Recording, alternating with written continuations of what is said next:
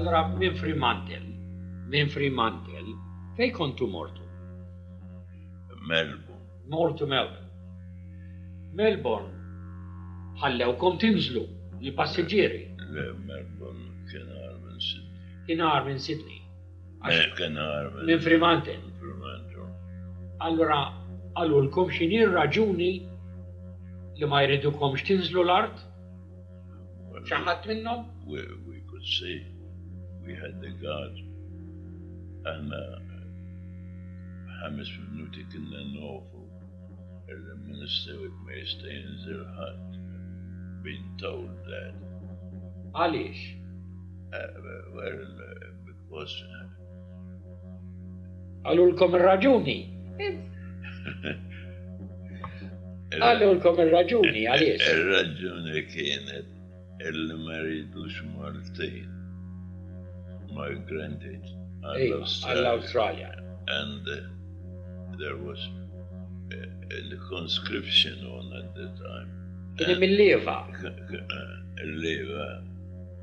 u ħasbu ħażin għaliex there was propaganda.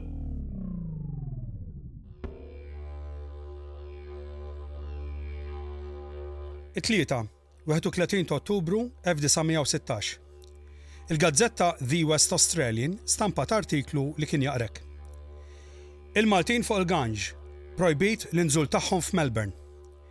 Il-vapur tal-merkanzija, il-Ganj, li wasal fil-port ta' Melbourne nhar is-Sibt u kien ibbukkjat li jmur Sydney, kellu fuqu 214-il Malti.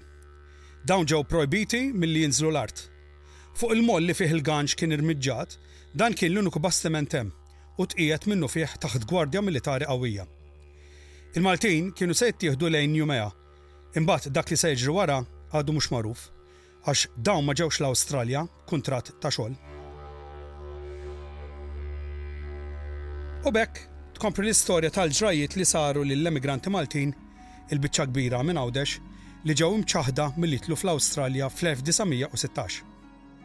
Dawn ir-rakkonti tenfasizza kif l-Awstralja ta' dak iż-żmien, li kienet għadha kif ġiet iffurmata bħala nazzjon ħmistax-il sena biss qabel, rat lilha nnifisha bħala utopja u ġenna tal-art għall-ħaddiem, pajjiż progressiv li mexxa 'l quddiem drittijiet u opportunitajiet indaqs, għall-inqas għaċ-ċittadini mixtieqa. Iżda f'dis-sitwazzjoni, il-Gvern inqabad mhux preparat.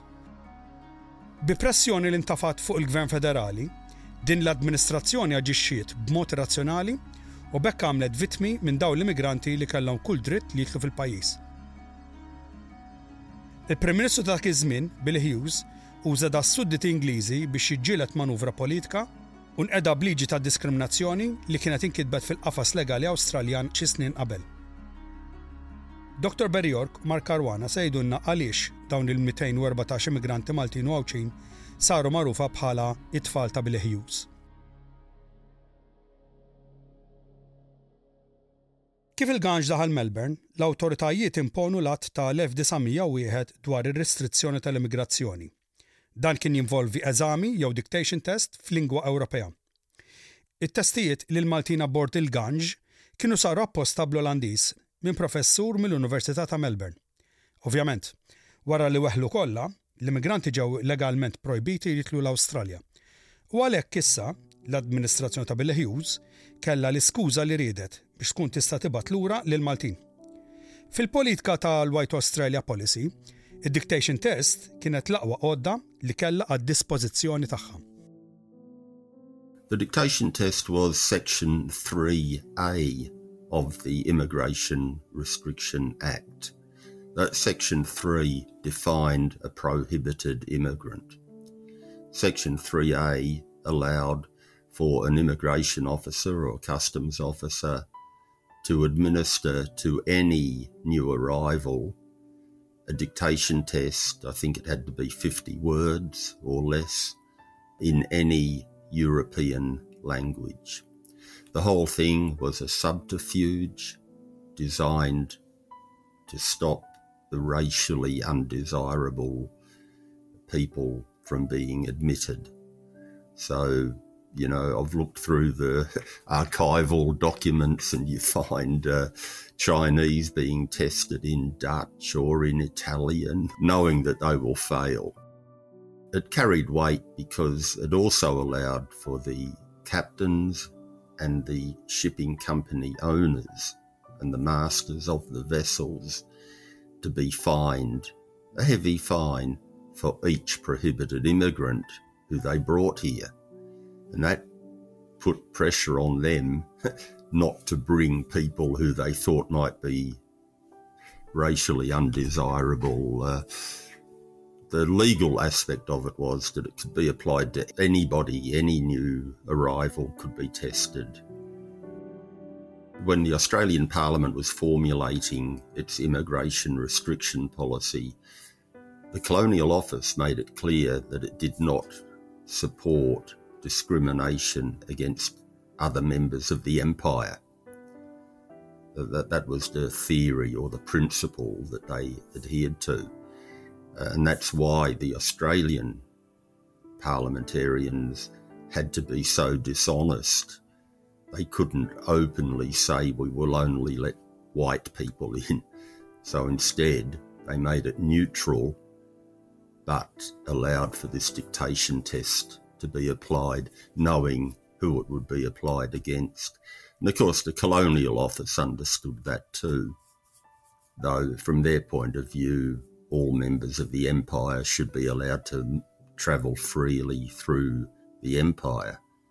And that was a tension that recurs between Australian nationalists the small n, you know, the, the ideology of nationalism on one hand, wanting a white Australia, and the tension with the colonial office who had an imperial view that believed that everybody in the empire should be nominally equal. There were a whole lot of uh, people available who would go with the customs or immigration officer to do the test. And uh, there was a a Dutch speaker at Melbourne University who was sometimes called upon, and he was the one who administered the test in Dutch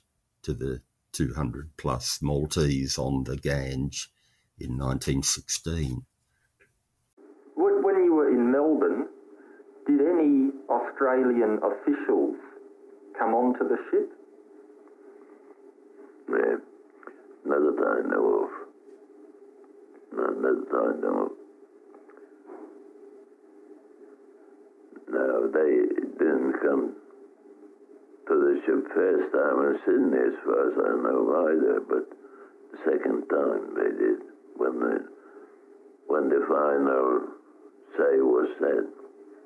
Did, did anybody give you a, a test of any kind, an examination in Melbourne?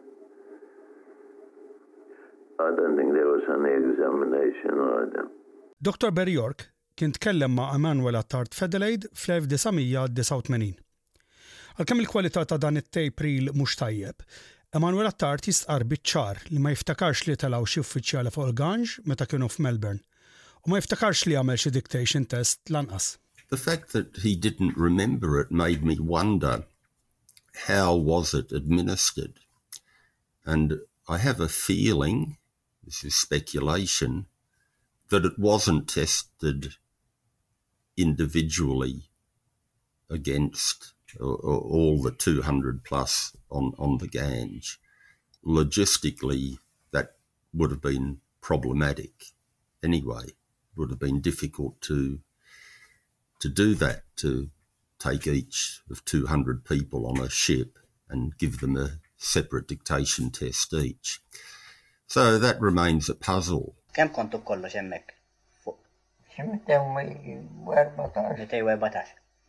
U dawna naturalment kienu emigranti Maltin u Għawdxin. Maltin u Għawdxin, iva, però għamlu xi eżami kif kienu ġew selected? Le mingħajr eżami int ma tħallasx il-passaġġ. Tħallas il-passaġġ? Meta ġie. U anke f'din l-intervista li għamel Mark Caruana ma' Celeste Bajada, f'Jannar tal-1983, Celeste ma jiftakarx li għamel xi eżami. Infatti dan ħaseb li ġie mistoqsi jekk kienx għamel eżami qabel ma kellu jiġi l-Awstralja. Imma ejja nirraġunawha naqra din. Jekk ħafna ma kinux jifhmu bl-Ingliż, kif setgħu jifhmu l-instruzzjonijiet li tawhom dakinhar? Well eżatt x'ġara ma nafx imma nimmaġina jiena naf skont id-dokumenti li qabdu professur tal-lingwa Olandiża. Dan naturalment eh, kellimhom bl-Olandiż u saqsihom jekk xi ħadd hux kapaċi jittraduċi u jifhem, u naturalment da kollha waħlu. Ma nafsibx li għaddu bil-qeda fuq mejda u jikdbu kaltek ta' nafseb li kienet verbalment.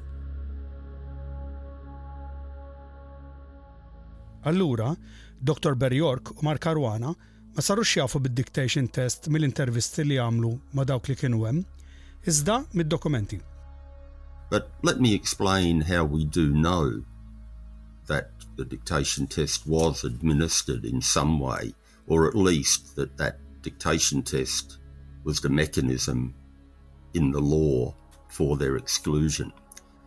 Uh, every year, the immigration authorities release uh, statistics on who has been let in and who has been excluded. Uh, I uncovered the 1917 annual returns, they're called, on immigration. They're tabled in Parliament. And, and when I looked at the annual returns for 1916, and it stipulates that 214 Maltese were excluded and nearly all of them were excluded under Section 3A, the dictation test. So that establishes that that was the legal mechanism for their exclusion. How do we know that they were tested in Dutch? And is there any other evidence? There is, and it takes the form of a letter written by the Maltese priest in Sydney at that time, Father William Bonnet. Uh, he was based in Sydney, but Bonnet wrote a letter to Munro Ferguson, the Governor General of Australia. And I've seen the letter. It was also published in the Maltese press at that time, where there was a lot of outrage. But this letter says that the Maltese he spoke to on the boat uh, they told him that they were tested in Dutch. Mela, la issa kollha weħlu d-dictation test, il-proċess tad-deportazzjoni seta' jibda. Iżda kien hemm problema. Il-gwerra fl-Ewropa kienet għadha sejra, u allura dan kien ifisser li ma kienx hemm vapuri disponibbli.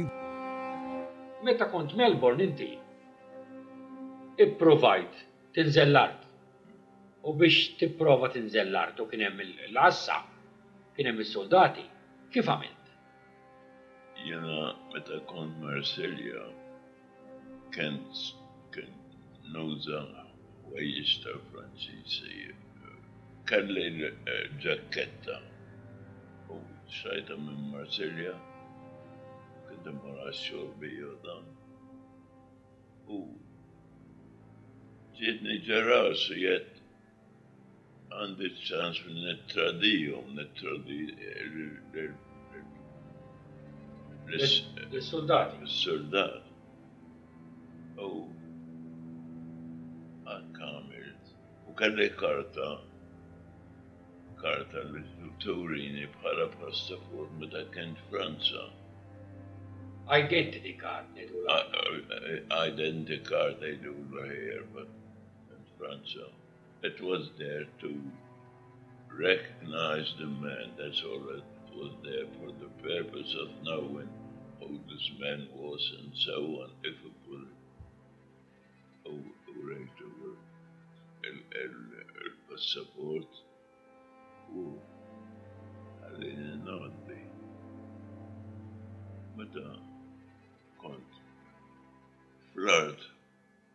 Il-Malti kollha biċċa minnhom rawni, imma għadda jgħajtu li lil jiena għadda skappajta u ra ħelleħ jgħaddi u l-aħrajn rressjaw għal fuq dak il-ġenb fejn kont nieżel jien.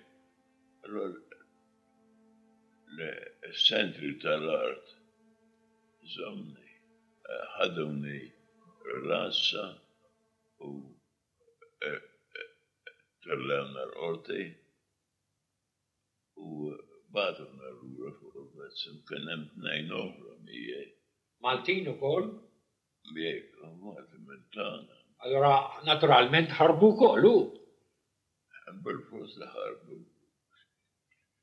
B'xi mod ħarbu. Il-Maġistrat x'għamlilkom reġa' bagħatkom abbord? Minn hemmhekk, minn Melbourne, fejn mortu? Sydney. Mortu Sydney. U meta wasaltu Sydney, x'laqgħa kellkom hemm? Meta wasalna Sydney, kinna nafu li ma għandna x'ninżlu u ma dimna żmien dwar hemm l-Bloppo Kif qal tajjeb hawn Emanuel Attard lil Frank Falzon f'intervista f'Adelaide fl-1989, malli daħlu f'Sydney dawn il-214 ma tħallewx jinżlu l-art għax dawn issa kienu meqjusa bħala migranti illegali. Barra xi nżonna Sydney ġibilna s-sentinella tas-suldati biex ma jinżlux. U kitmu, allura jiena kellna.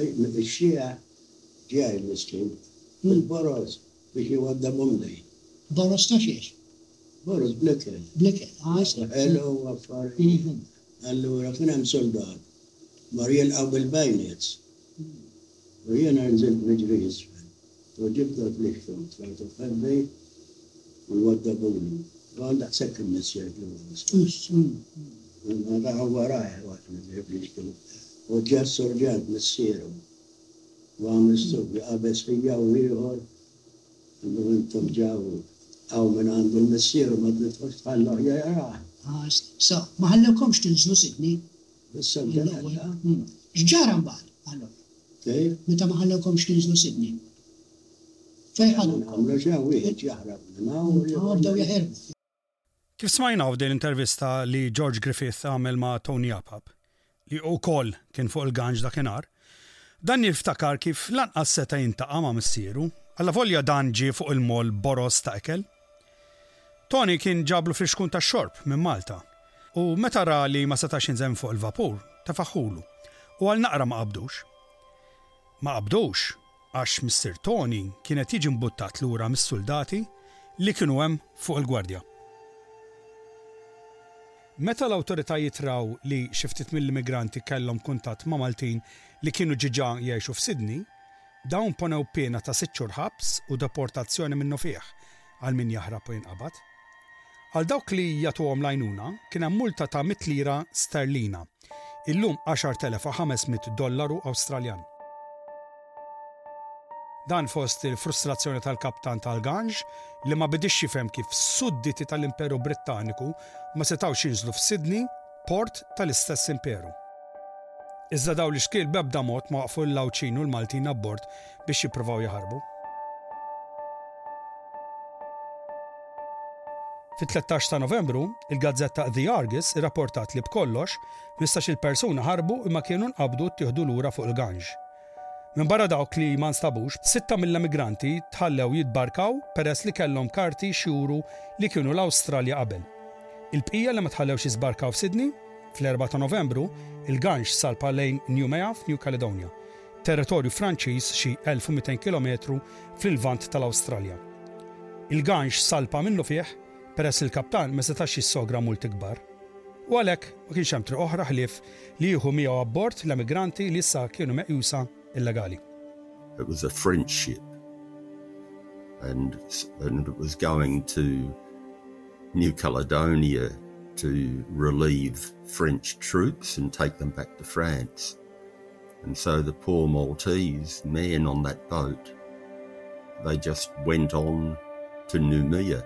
That, that might sound good today. Numia is a holiday destination, but they suffered. They suffered. They were there for 10 weeks that, their families, their wives and children back in Malta were relying on them working in Sydney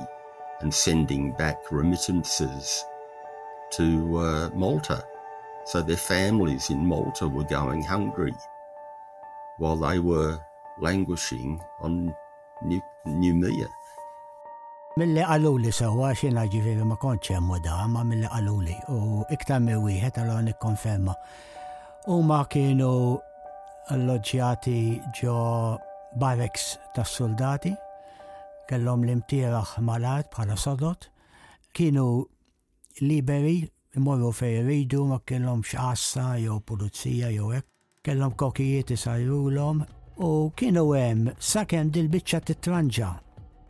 Batom New Caledonia biex ma, biex ma jagħtux fil-għajn u l-gvern jidher li speċi il-problema solvit. I think it was the first such refusal of disembarkation in the Federation period after 1901 when Australia became a federated nation. Probably the first, I know of no previous ones but I can't think of others until more recent times when we've had uh, asylum seekers arriving here by boat, and the various governments of both complexions having the policy of not allowing them to uh, to seek uh, refugee status or to be settled here.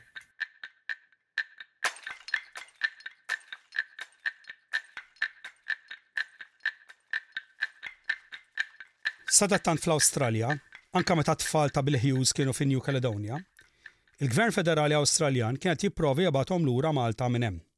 Iżda, il-problema ta' nuqqas ta' bastimenti kienet ir-realtà krudili. Bastiment tal-Imperu Brittaniku ma kellhomx post għall-immigranti ddeportati u bastimenti Franċiżi kienu qed jintlew b'suldati Franċiżi. Barra minn hekk, il-Gvern Imperjalista ma qabilx mad-deportazzjoni u kien qed jipprova jsib mezzi kif il-Gvern Awstraljan jaċċetta dawn il-Maltin.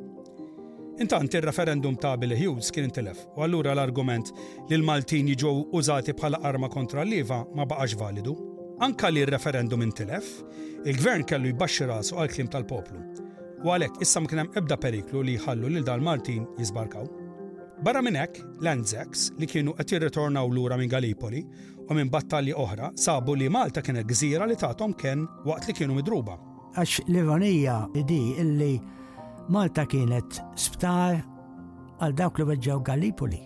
Mbagħad bdew jikbu anka fil-Sidney Morning Herald u hemm iddokumentat illi li dina mis-sewwa l-Maltin l-Awstraljani feruti stmawhom u aħna speċi eh, ma ridnihom. Allura il-folja ftit ftit bdiet tinqaleb. Soldat irrekoverat li rtorna lura l-Awstralja kiteb f'The Sydney Morning Herald tal-ħadd 25 ta' Novembru 1916 staqsa għaliex il-Maltin kienu qed jiġu miċħuda minn pajjiżu.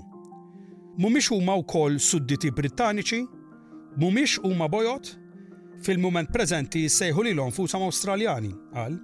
L-aktar rakkont ta' tqanqil ġie minn uffiċjal midrub li kiteb f'The Sydney Morning Herald dwar it-tjubija, l-ospitalità, il-kordjalità u l-qalb kbira tal-Maltin u li jekk li tagħmel għemejjel tajbin ifisser il-ħażna ta' teżor etern, Allura, tabilħaqq Malta hija komunità ta' miljunarji spiritwali.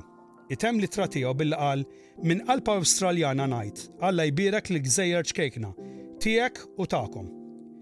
Dawn l-ittri taw palata biex il-Maltin kisbu sens ġdid ta' kredibilità. As far as I'm aware, there is only really anecdotal evidence, you know, uh, I did my research in the 1980s, nearly 40 years ago. I began and I did it for five, six years. And back then, there were people alive who knew of these Maltese of New Caledonia or children of Billy Hughes, as they called colloquially. Quite a few of them would say, "Ah, oh, Gerald Strickland was very good to them.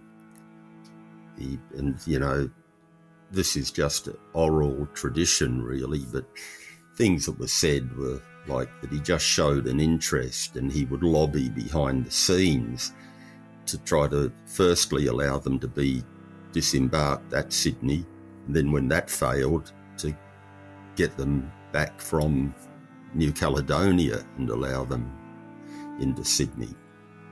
Uh, also, a couple of people mentioned back then he would help them with money financially. But he was governor of New South Wales. Strickland, as you know, was a Maltese nobleman who spoke Maltese and he was culturally Maltese, though very British and pro British. Uh, um, just as an aside, my grandfather, Salvatore Malak, was uh, a strong supporter of Strickland in Malta in 1930, very anti fascist and pro British, and um, the priests refused to bless my grandfather's house because they knew that he was pro Strickland. So Strickland was pretty controversial.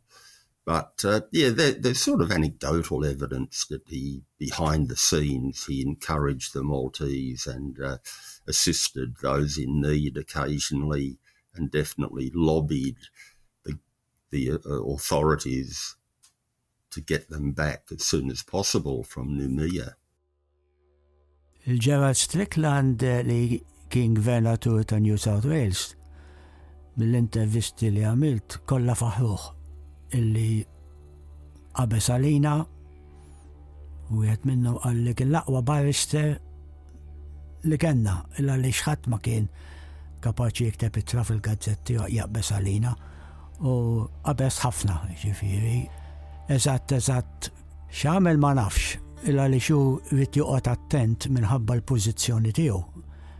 Li bħala gvernatur ma qed iżomm ma' ħadd.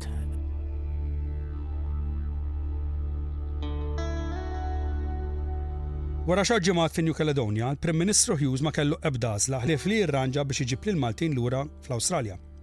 L-ispiża ta' din it-traġedja krudili swiet lill-Gvern Awstraljan 2332 lira li llum isarrfu għal madwar 230,000 dollaru Awstraljan. Fl-episodju li jmiss se naraw x'jiġri mill-Maltin meta jaslu f'Sydney u kif jirnexxielhom jitlu l-Awstralja.